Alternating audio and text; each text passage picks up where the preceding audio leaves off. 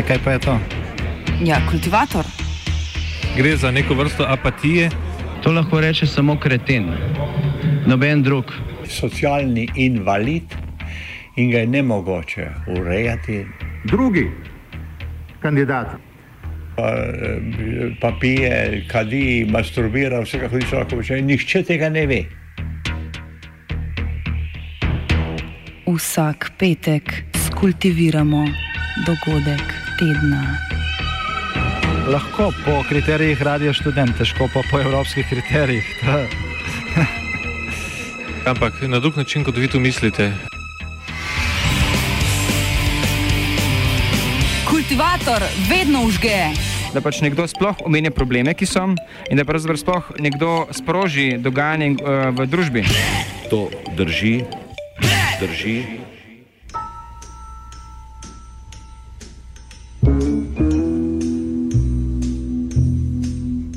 Joc Plečičnik.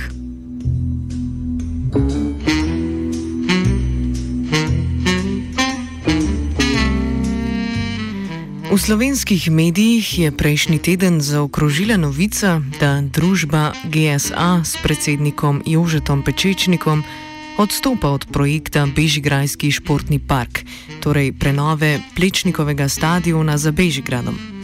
Javno-zasebno partnerstvo med mestno občino Ljubljana, Olimpijskim komitejem Slovenije in GSA je namreč sredi preteklega meseca umaknilo vlogo za pridobitev okoljevarstvenega soglasja na Agenciji Republike Slovenije za okolje, krajše ARSO.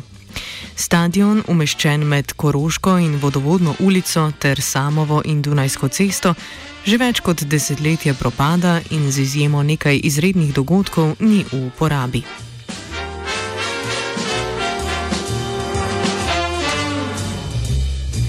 Kmalo smo ugotovili, da je pri umiku vloge šlo za manevr, ki ga je omogočila nova zakonodaja, ljubkovalno poimenovana prostorsko-gradbeni trojček, ki je v uporabi od 1. junija lani.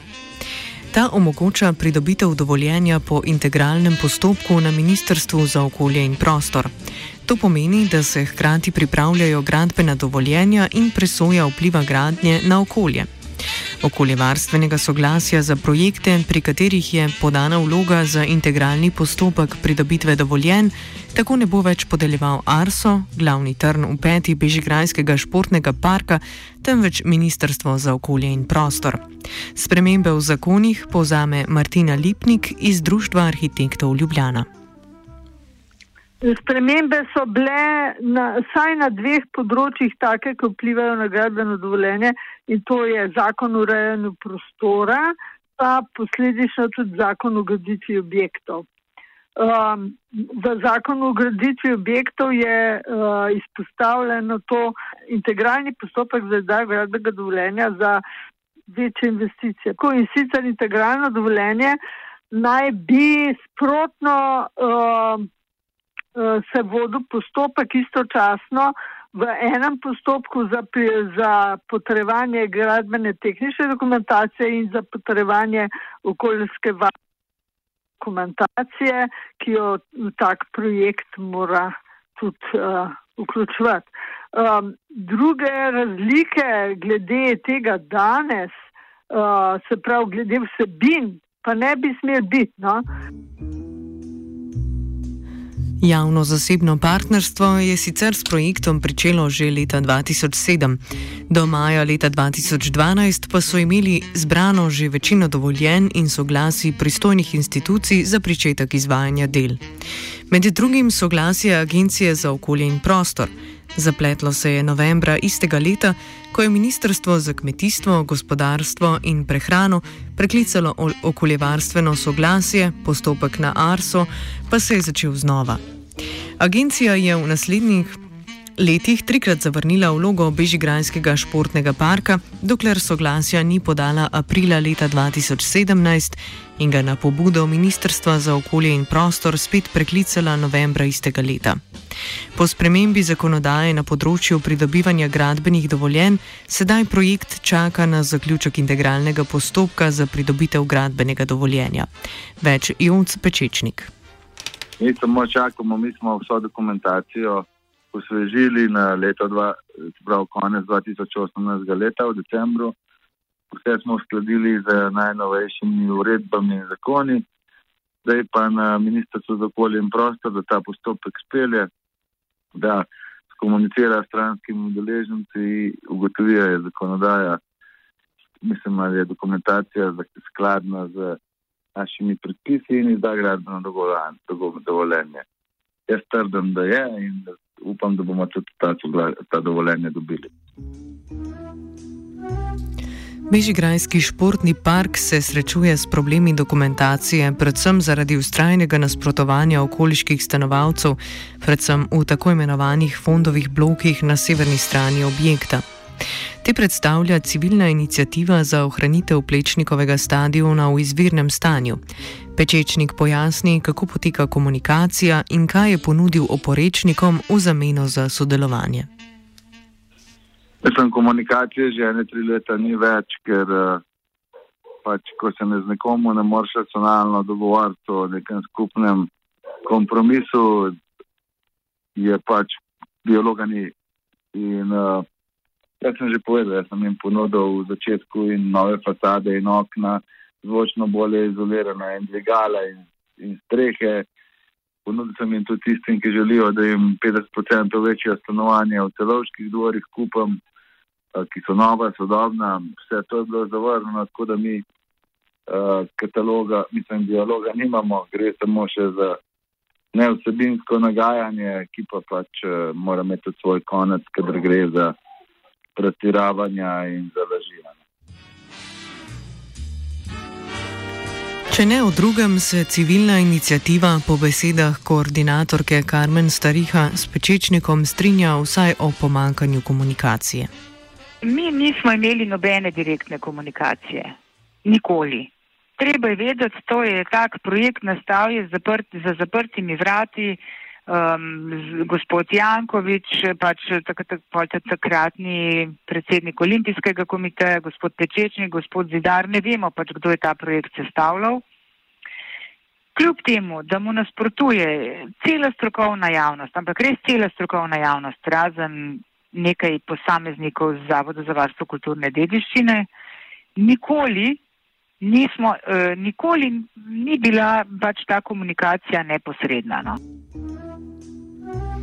Civilna inicijativa projektu očita predvsem nespoštovanje plečnikove kulturne dediščine.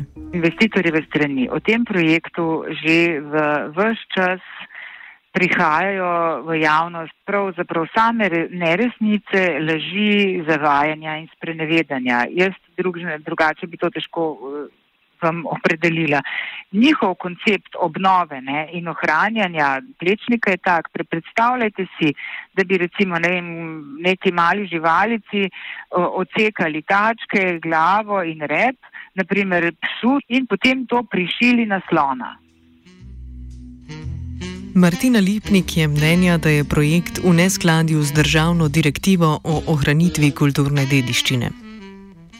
Ta problematika je v nasprotju z danes veljavno državno regulativo z področja varstva kulturne dediščine. Zakon o varstvu kulturne dediščine deli uh, obravnavanje uh, kulturne dediščine uh, na en način, obravnavanje uh, spomenika kulturnega, pa na nepremičnega, pa na drug način. In sicer pri obravnavi statusa objekta, ki ima status kulturne dediščine, so možna uh, razna vključevanja rešitev, ki stvar um, razvijajo in ohranjajo v čim večji meri, medtem ko pri spomeniku pa ni druga kot vzdrževanje spomenika, tam se pa naj ne bi posegali v spomenik z drugimi deli kot z vzdrževalnimi. Kaj pa uh, so vzdrževalna dela na gradbenem področju, se pa ve, ne, dela tudi novogradne. Vloga za gradbeno dovoljenje za takve vrste objekt, kot ga predlaga zdajšnji investitor, uh, je pa vloga za novogradno. Pečečnik na te očitke odgovarja, da bo plečnikovo arhitekturo ohranil do potankosti. Ali jaz kot zasebni investitor uničujem plečnika ali ga ne uničujem. Ne? Uh, mnogi tudi malo starejši gospodje, pa frajeri, ki se oklicujejo, da so oni edina stroka na tem svetu, okoli plečnika, govorimo o Krečiču, pa o prelovšku. Oni po konstantno lansirajo laži v medije, ki v bistvu zelo begajo ljudi. Tudi une, ki so naklonjeni projektu, jih taka informacija zbega in bi rad pojasnil, kaj je zelo pomembno po tej zgodbi. Ne? Verjetno ste tudi prvi slišali, da je veliko krat v medijih bil izrečen stavek, Pečečnik bo kompletno uničil plečnika, po načrtih ga ostaja samo 5%. Plečnik ostaja v celoti. Pravi, jaz vam dam mojo besedo, da niti en kamen, niti en del, niti en milimeter tistega, kar danes stoji, ne bo po obnovi manjkal. Še več, še plečnikove parkete bomo dali noter, stole, kluke, luči, vse, kar on dezoniral, bo v plečniku. Občinski podrobni prostorski načrt za gradnjo Bežigrajskega športnega parka je mestna občina Ljubljana sprejela leta 2010, torej leto potem, ko je bil stadion razglašen za spomenik in ne za kulturno dediščino. Martina Lipnik. Uh, OPPN za prenovo je bil na koncu uh, sprejet uh, leta 2010, to se pravi že po tistem, ko je prišlo do te uh, uh, spremembe aktov o zaščiti stadiona. Uh, in po logiki bi moral uh, tako PPN biti v skladu z veljavno nadrejeno zakonodajo. Vsa državna zakonodaja je občinskim dokumentom nadrejena in so se je dolžni držati. Problem pa se z zaščite kulturne dediščine prenaša tudi na varstvo okolja. Lipnik pojasni, da je območje stadiona degradirano območje, ki ne more sprejeti še več prometa, to je onesnaževanja.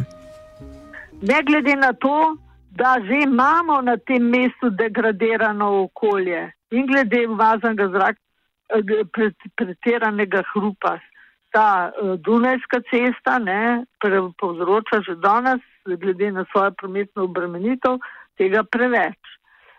Uh, v neposrednji bližini stadiona, ki bo povzročal kar precej hrupa uh, ob svojih uh, prireditvah, uh, je pa tako. Ta hrup, uh, ki ga bojo prireditve povzročale v poročilih uh, okoljskih za stadion, ni definiran. Je napisan, da se ga ne da opredeliti. To najbrž ni res, to smo mi v svojih pripombah napisali na, te, na to dokumentacijo, da se ga že more dati zračunati 17 tisoč ljudi, recimo, ali 15 tisoč, kar jih predvideva stadion, ima določen uh, efekt uh, na hrupnem področju, kadar uh, se preditve vodijo. Taka območja naj bi varoval operativni program varstva pred hrupom na ravni mestne občine Ljubljana, ki pa ga še ni. Ljubljana še do danes nima operativnega programa varstva uh, pred hrupom in uh, tudi mislim, da ne operativnega programa varstva zraka. Za tega niti nisem na tekočem, ampak uh, hrup je prekoračen na zelo veliko mestih v Ljubljani. Eh, po zakonu varstva okolja so take lokacije degradirana območja in po istem zakonu za degradirana območja mora država speljati postopke sanacije skupaj z pač občino, kjer se to nahaja. Eh, in šele potem, ko je sanacija speljana, se lahko v okviru uh, saniranih rešitev Eh, nadaljuje z investicijami. Prej se pa sploh ne bi smelo. Ne? Sej, uh, v Ljubljanski strateškem prostorskem načrtu so not ugrajene uh, omejitve uh, glede vplivov na okolje in tam noter je navedeno, da tam, kjer je uh, prekoračene so te emisije, uh, strani prometa se ne bi smel uh, povečevati uh, obremenitev na objektu. Se pravi, ena Dunajska cesta ne bi smela dobiti nobenega prometa dodatnega gor. Lipnik meni, da je pri takih projektih veliko krat težava tudi nesoglasje med interesi javnih in zasebnih partnerjev. Kar se tiče pa javno-zasebnega partnerstva, je pa tako, ne, da tisti, ki je javni partner, bi moral predvsem sejati to javno-zasebno partnerstvo uh, v smislu zaščite javnega interesa še naprej in bi moral tudi svojega partnerja zasebnega usmerjati, da ta interes uh, ostane zaščiten. Ne? In uh, to pomeni, da tudi zaseben investitor ne more pretiravati svojimi komercialnimi apetiti. Javno-zasebno partnerstvo, ki je problematično, bi jaz bolj potegnila ven v primerjavo z Moniko, kjer je občina pa država ste enostavno zemlišče prepustile zasebnemu partnerju, zdaj pa čakamo, kdaj se bo on izvolil uh, kaj uh, naprej razvijati tako pomembno javno stvar, kot je javni potniški uh, terminal in avtobusen in železniški. Ne? Pečečnika pa to ne bo zmotilo, saj je projekt Bežgrajski športni park včeraj javno podprl tudi ministr za gospodarski razvoj in tehnologijo Zdravko Počevalšek. Pečečnik opiše pričakovanja o sodelovanju z državo. Če verjetno nam bodo o, pomagali pri določenih o, svetovanjih okolj, pridobivanju kakšnih evropskih sredstev mogoče pri zaposlovanju uh, ljudi, ki gre le za 830 novih delovnih mest, uh, omogočili, da tudi mi dobimo kakšne subvencije, kot jih dobivajo vsi tuji investitorji, kot so Renault, Magna in vsi ostali. Skratka, niti še ne vem čisto, sem, kaj to bo. Vesel sem bil, da ministrstvo podpira projekt, da, da ni več tukaj vprašanje, ali je vlada za ali ni, ker so mnogi tudi z neodločnostjo prejšnjih vlad to uporabljali kot uh, razlog za nagajanje in za medijsko pisanje, da vlada ne podpira, se pravi, zdaj se je izjasnila, da podpira. Zdaj sodelovanje z ministrstvom za gospodarstvo bomo pa pol raziskali v drugi polovici leta, ko bomo dobili gradbeno dovoljenje, ker se skozi te uredbe in evropske in državne spreminjajo in glede na čas, ko bo ko bo ta stvar aktualna, bomo pa opredelili ta sodelovanje. Glavni investitor odgovarja na očitke, da bo Bežigrajski športni park konkuriral stadionu v Stožicah. Ja, mislim, take izjave so tipični izraz novinarjev, ki uh, se jim jebe za njihov poklic in ne, in ne berejo dokumentov, niti se ne pozanimajo o strukturi, ki piše. Mi ne delamo stadiona, stadion imamo v Stožicah, mi delamo športni park, ki bo gostitelj vseh živih športov in bo imel tudi med drugim možnost postavitev umetne trave, vendar bo v osnovi to prireditveni prostor, kamor se bo lahko organiziral koncert, lahko se bo Slovenija Open Tennis organiziral, lahko se bo po zimi hokej, lahko se bo košarka, lahko se bo pa tudi igra, uh, uporabljal prostor vsak dan za rekreacijo, za rolanje, za vem, poletne bazene ali pa tudi za mini sejem. Tako da mi, mi nismo prav nobena konkurenca stožic, smo mal bolje ekonomsko organizirana vsebina, ker pač stožice je mesto Ljubljana dobilo brezplačno od privatnega investitorja v zameno, pa mu je dala komercialen del pa zemljo, pa nas te privilegije nimamo, zato moramo ob tem, ko bomo športni park odprli, tudi poskrbeti, da se bo ustvarjalo toliko prihodkov ekonomskih, da se bo investicija odplačala, da se bodo zaposleni plačali, da se bodo stroški plačali in da bo na koncu, upajmo, še kaj ustali in da bomo lahko s tistimi operirali. Kljub vsemu so tako v civilni inicijativi za ohranitev Plečnikovega stadiona v izvirni obliki, kot v Društvu arhitektov Ljubljane prepričani, da ta projekt ne bo pridobil okoljevarstvenega soglasja. Razloži Karmen Stariha. Predpisi, ne, okoljski, so popolnoma identični. Se pravi, on bo še vedno moral dokazati, da je njegov projekt okoljsko spremljiv. Sicer ne vem, kako bo to dokazal, ker tega že v desetih letih ni mogel dokazati, niti da je minimalno spremljiv. Um, mi se bomo vključili po načelih pač uh, zakonodaje noter, bomo v postopku pač sodelovali in mu naprej nasprotovali.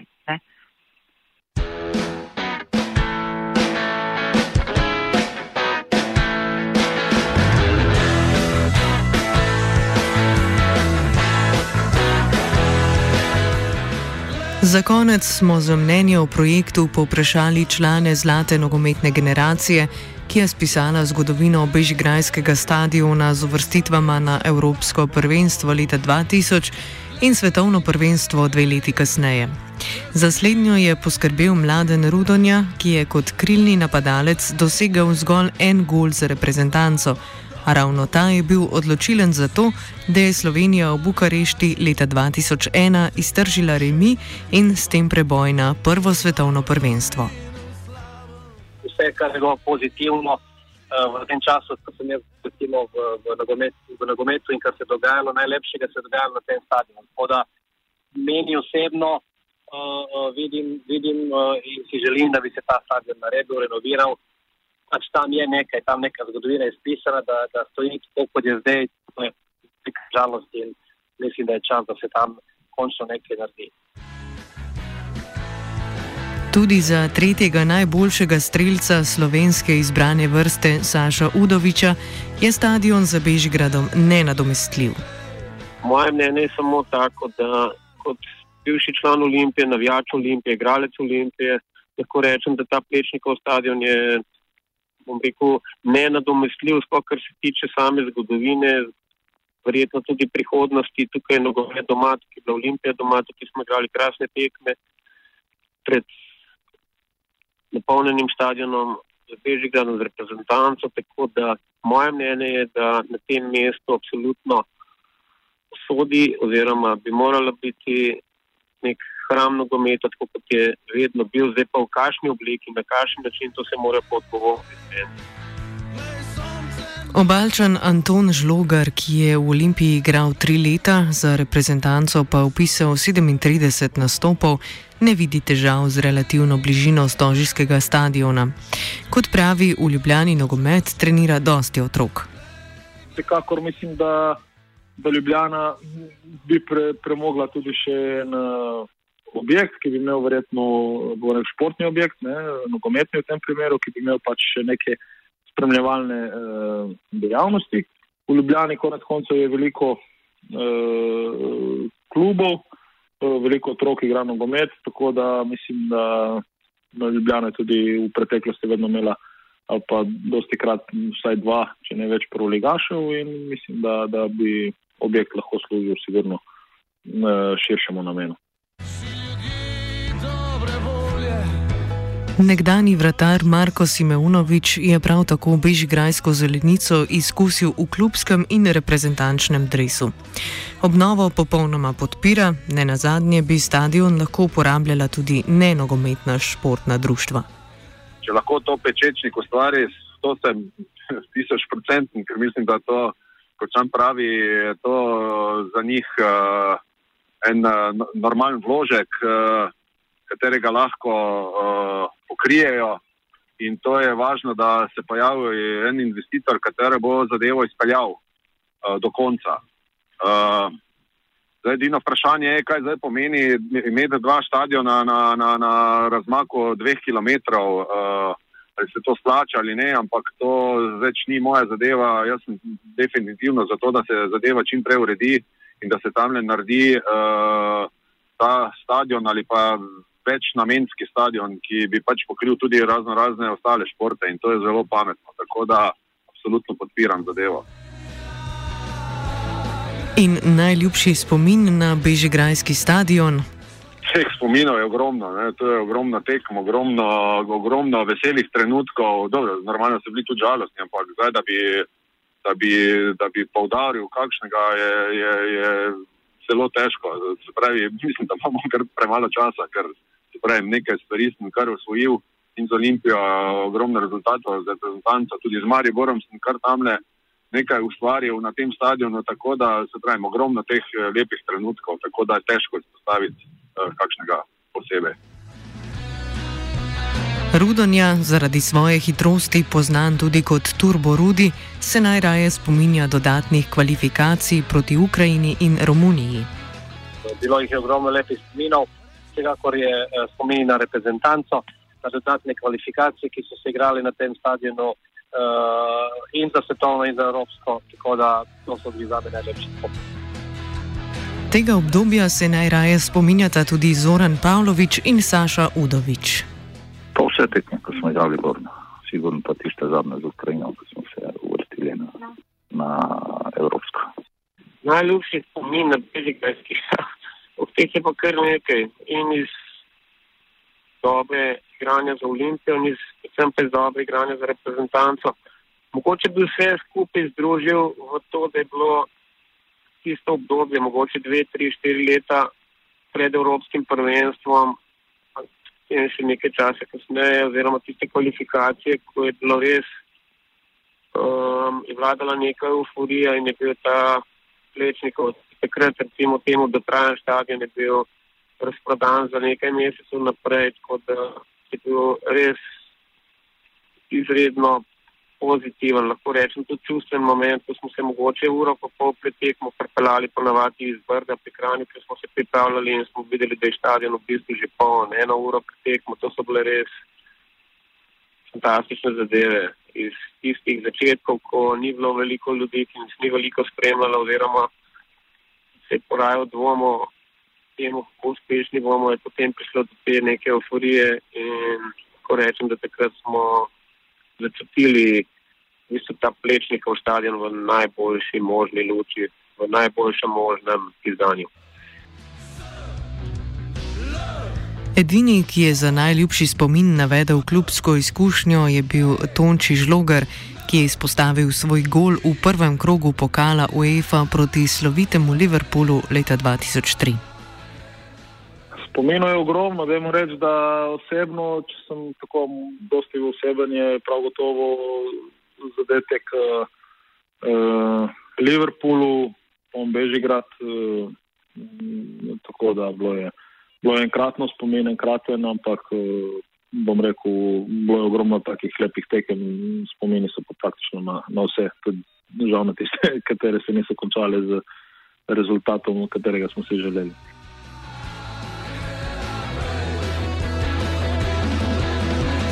Kultivator je pripravil Virant, asistiral je Anton.